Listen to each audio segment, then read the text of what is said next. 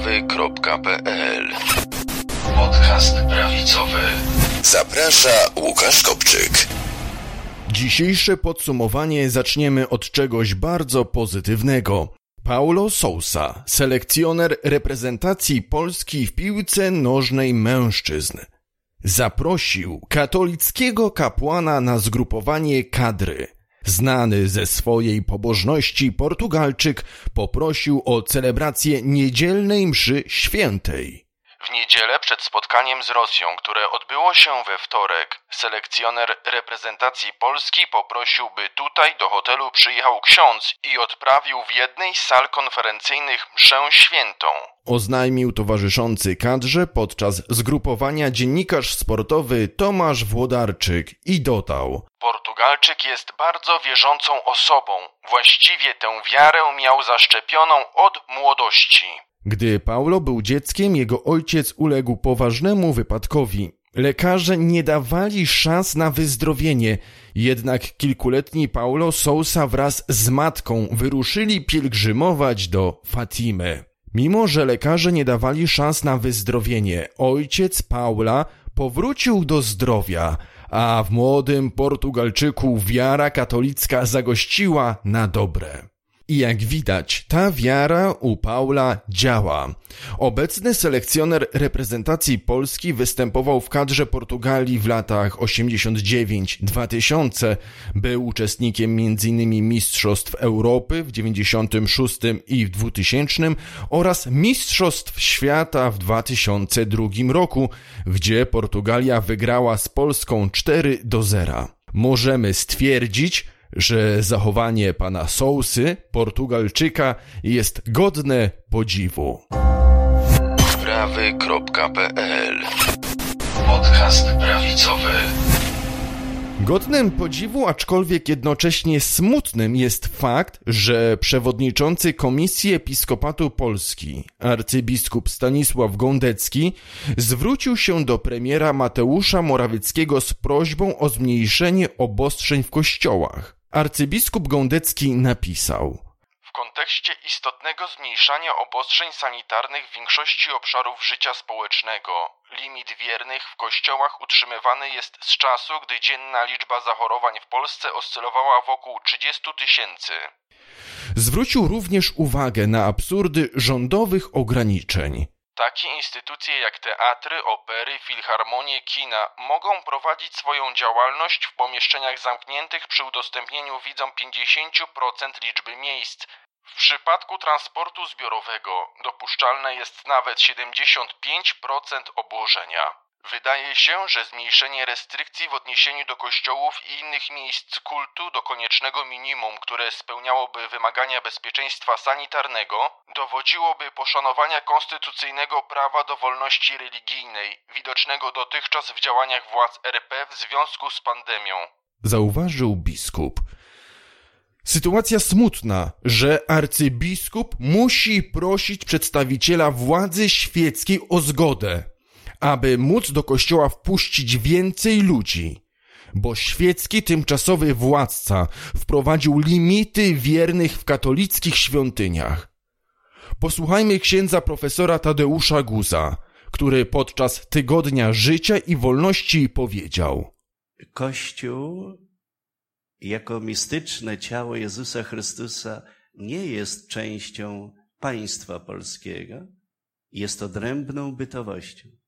Ani Kościół jako podmiot suwerenny, autonomiczny względem państwa polskiego nie jest częścią jednostki, którą nazywamy sanepidem. Ani Kościół jako odrębny podmiot, którego y, status bytowy jest w sensie prawnym usankcjonowany konkordatem, czyli międzynarodową umową, między stolicą apostolską a Rzeczą Pospolitą Polską, ten Kościół nie podlega jakimkolwiek zarządzeniom ministra zdrowia RP. Tego konkordat nie przewiduje. Wszystko się wymieszało. A my mamy przecież chociażby w konkordacie, który jest aktem kompromisowym z państwem polskim, ale mimo wszystko ważnym i obowiązującym państwo polskie. Państwo polskie ma tylko możliwości regulacji prawnych do granicy każdej poszczególnej jednostki eklezjalnej. Jeżeli chce dokonywać jakichkolwiek operacji na terenie jakiejkolwiek jednostki eklezjalnej, zobacz parafia, klasztor, instytut życia konsekrowanego i tak to musi zapytać ordynariusza miejsca, czyli proboszcza, biskupa. Stąd też rozumiemy, kochani, że tutaj mamy niestety, trudno mi na razie jeszcze oszacować, jak dalece świadomie, ale ja tylko mogę obiektywnie powiedzieć, że państwo polskie dokonało w stosunku do Kościoła w Polsce jednych z największych nieprawości, jakie Kościół w Polsce na przestrzeni tysiąca lat przeżył. Jednej z największych nieprawości. Prawy.pl Podcast prawicowy. Drodzy Państwo, mamy też, jakby nie patrzeć, z pozoru dobrą, ale tak naprawdę tragiczną wiadomość. Adam Niedzielski, minister zdrowia, ogłosił w czwartek, 10 czerwca, nowe obostrzenia. Teraz w kościele będzie mogło być 75% obłożenia. Ale nie tak szybko, drodzy Państwo, bo limit ten nie dotyczy zaszczepionych. Wyobraźmy sobie taki obrazek, że w drzwiach do świątyni katolickiej stoi kościelny i sprawdza certyfikat szczepienia. To jest segregacja sanitarna katolików, ale o tym jeszcze wspomnę w dalszej części audycji.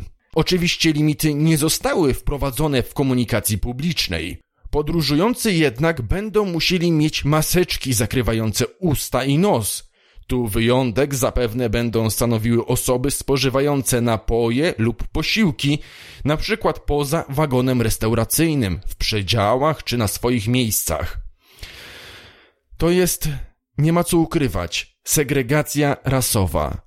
Dzielenie Polaków na tych lepszych i na tych gorszych. Prawy.pl Podcast prawicowy. Stolica Apostolska i Polska zawarły konkordat, regulujący wzajemne stosunki i nie ulega wątpliwości, że rząd łamie te postanowienia wykraczając poza swoje prerogatywy. Jest takie przysłowie, jak Kuba Bogu, tak Bóg Kubie. I tak oto rząd polski, występując przeciwko Kościołowi, no, musi się zmagać z Czechami, którzy występują przeciwko Polsce. Dlaczego? Już o tym wspominałem podczas poprzedniego podsumowania tygodnia. Chodzi o kopalnię Turów. Porozumienie między Czechami a Polską w sprawie Turowa powinno przewidywać regularne kontrolowanie sytuacji przez czeskich ekspertów w tej kopalni węgla brunatnego. Powiedział w czwartek w parlamencie wiceminister spraw zagranicznych Czech Martin Smolek. Od początku sporu, który odżył w tym roku, strona polska i czeska przedstawiali sprzeczne ze sobą informacje, o czym też wspominam w poprzednim podsumowaniu tygodnia. I tak premier Mateusz Morawiecki oznajmił pod koniec maja po rozmowach z premierem Czech Andrejem Babisem, że obie strony są bliskie porozumienia, w wyniku którego Republika Czeska zgodziła się wycofać wniosek do CUE. Szef rządu poinformował również, że Polska będzie współfinansować na kwotę do 45 milionów inwestycje środowiskowe. No na nieszczęście ta wersja nie była uzgodniona z rządem Czech.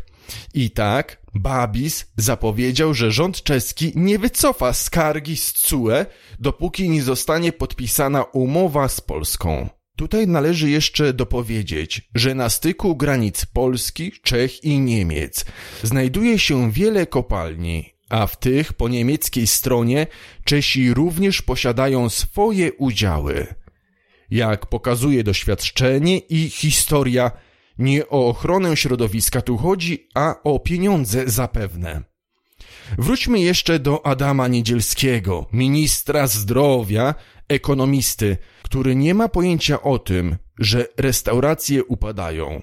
Będąc gościem redaktora Roberta Mazurka w RMFFM, stwierdził, że jadąc do pracy nie widzi po drodze zamkniętych lokali gastronomicznych. Internauci od razu rozpoczęli akcję publikowania zdjęć przedstawiających zamknięte restauracje. Posłuchajmy, co na to odpowiedział redaktor Mazurek. Tarcza, znaczy dobrze, że była, to nikt tego nie kwestionuje, tylko ona była niewystarczająca dla bardzo wielu z nich. Wystarczy się przejść po Warszawie i zobaczyć, ile miejsc, ile punktów gastronomicznych padło. Oczywiście pan mi może powiedzieć, że w Izraelu też padły. Nie, ja tylko powiem panu, że jak przejeżdżam przez Nowy Świat jadąc do pracy, to nie widzę tych zamkniętych lokali. Może na Nowym Świecie nie, ale jeśli pan chce, to ja, mi pan założy to internetowe konto pacjenta i te inne wszystkie takie, to ja panu e, zrobię taki y, spacer. Pokażę panu kilka miejsc w centrum Warszawy, naprawdę, które padły absolutnie. Także wie pan, to coś za coś. Pokażę panu realny świat. Się pan zdziwi.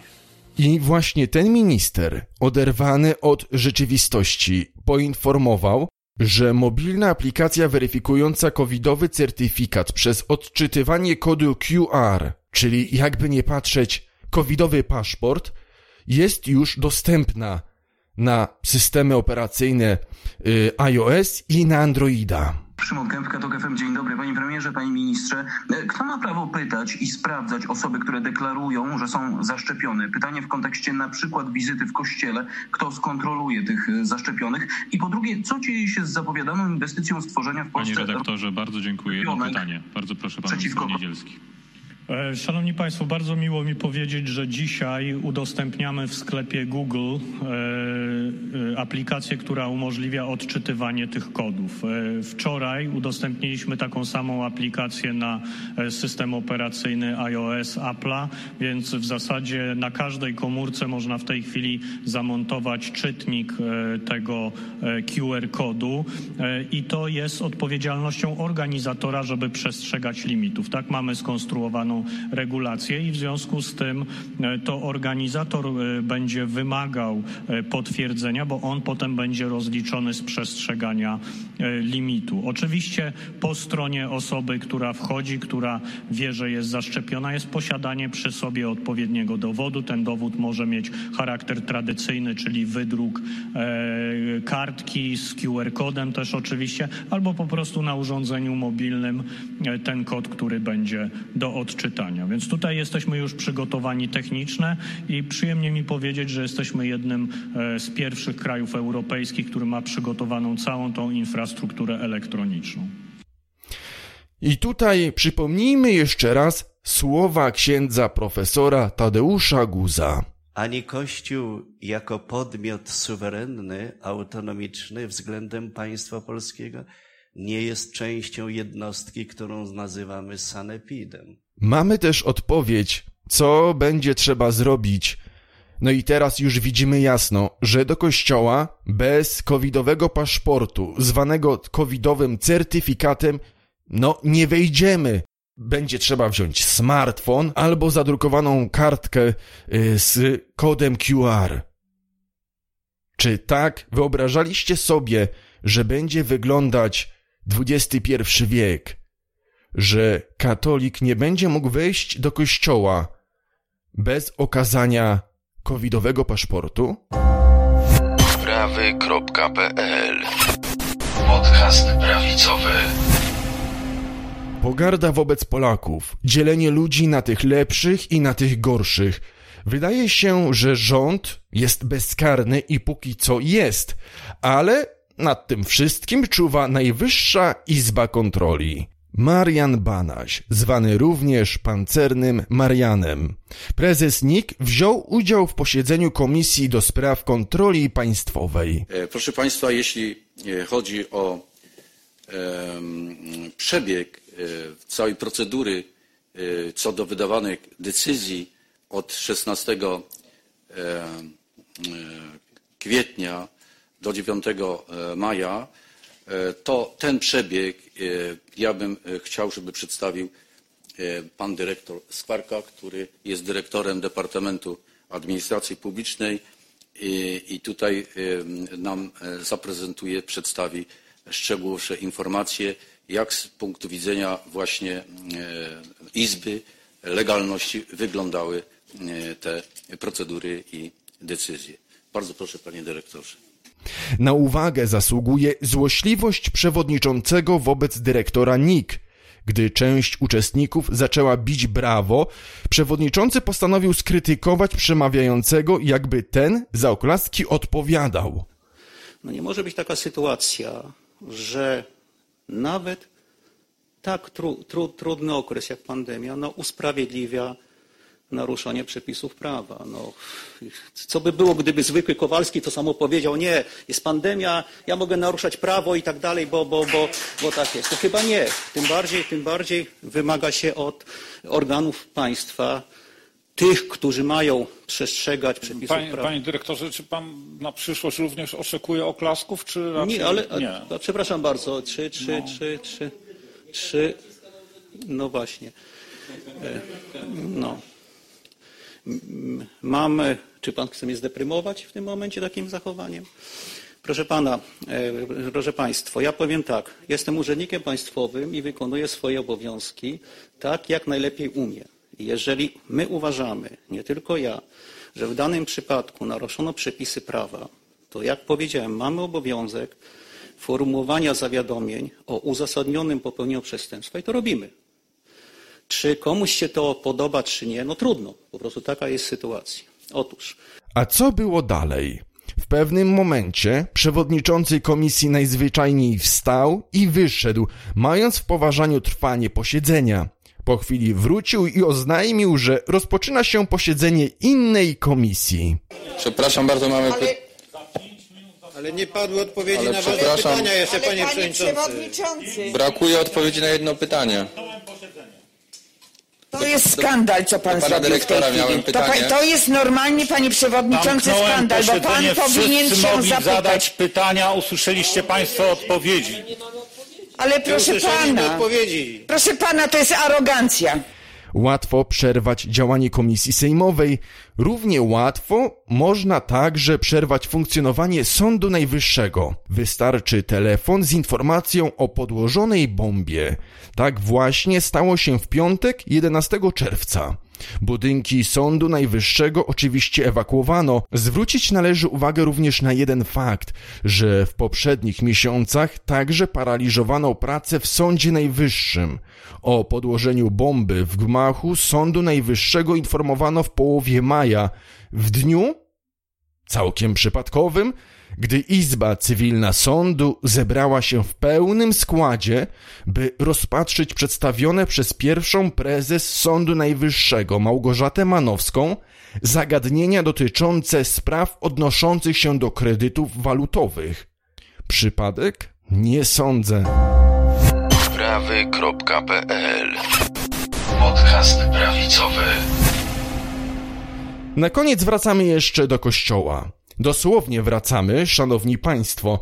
Od 20 czerwca zostaną zniesione dyspensy od uczestnictwa w niedzielnej mszy świętej. Postanowili biskupi zebrani na 389 zebraniu plenarnym konferencji Episkopatu Polski w Kalwarii Zebrzydowskiej. Tylko czy ludzie oderwani od źródła wiary żywej, czyli od mszy świętej, tak łatwo do tegoż źródła powrócą? Kiedyś, gdy zakazywano uczestnictwa we mszy świętej, te celebrowano potajemnie. Obecnie niestety sami biskupi w wielu przypadkach dawali dyspensy. To zostawiam Państwa opinii, jednocześnie pragnąc przypomnieć, Nie bójcie się tych, którzy zabijają ciało, lecz duszy zabić nie mogą. Bójcie się raczej tego, który duszę i ciało może zatracić w piekle. do usłyszenia za tydzień. Prawy.pl Podcast prawicowy. Zachęcamy do subskrybowania naszego kanału na YouTubie oraz do obserwowania podcastu na platformach podcastowych Apple Podcasty, Google Podcasty, Spotify.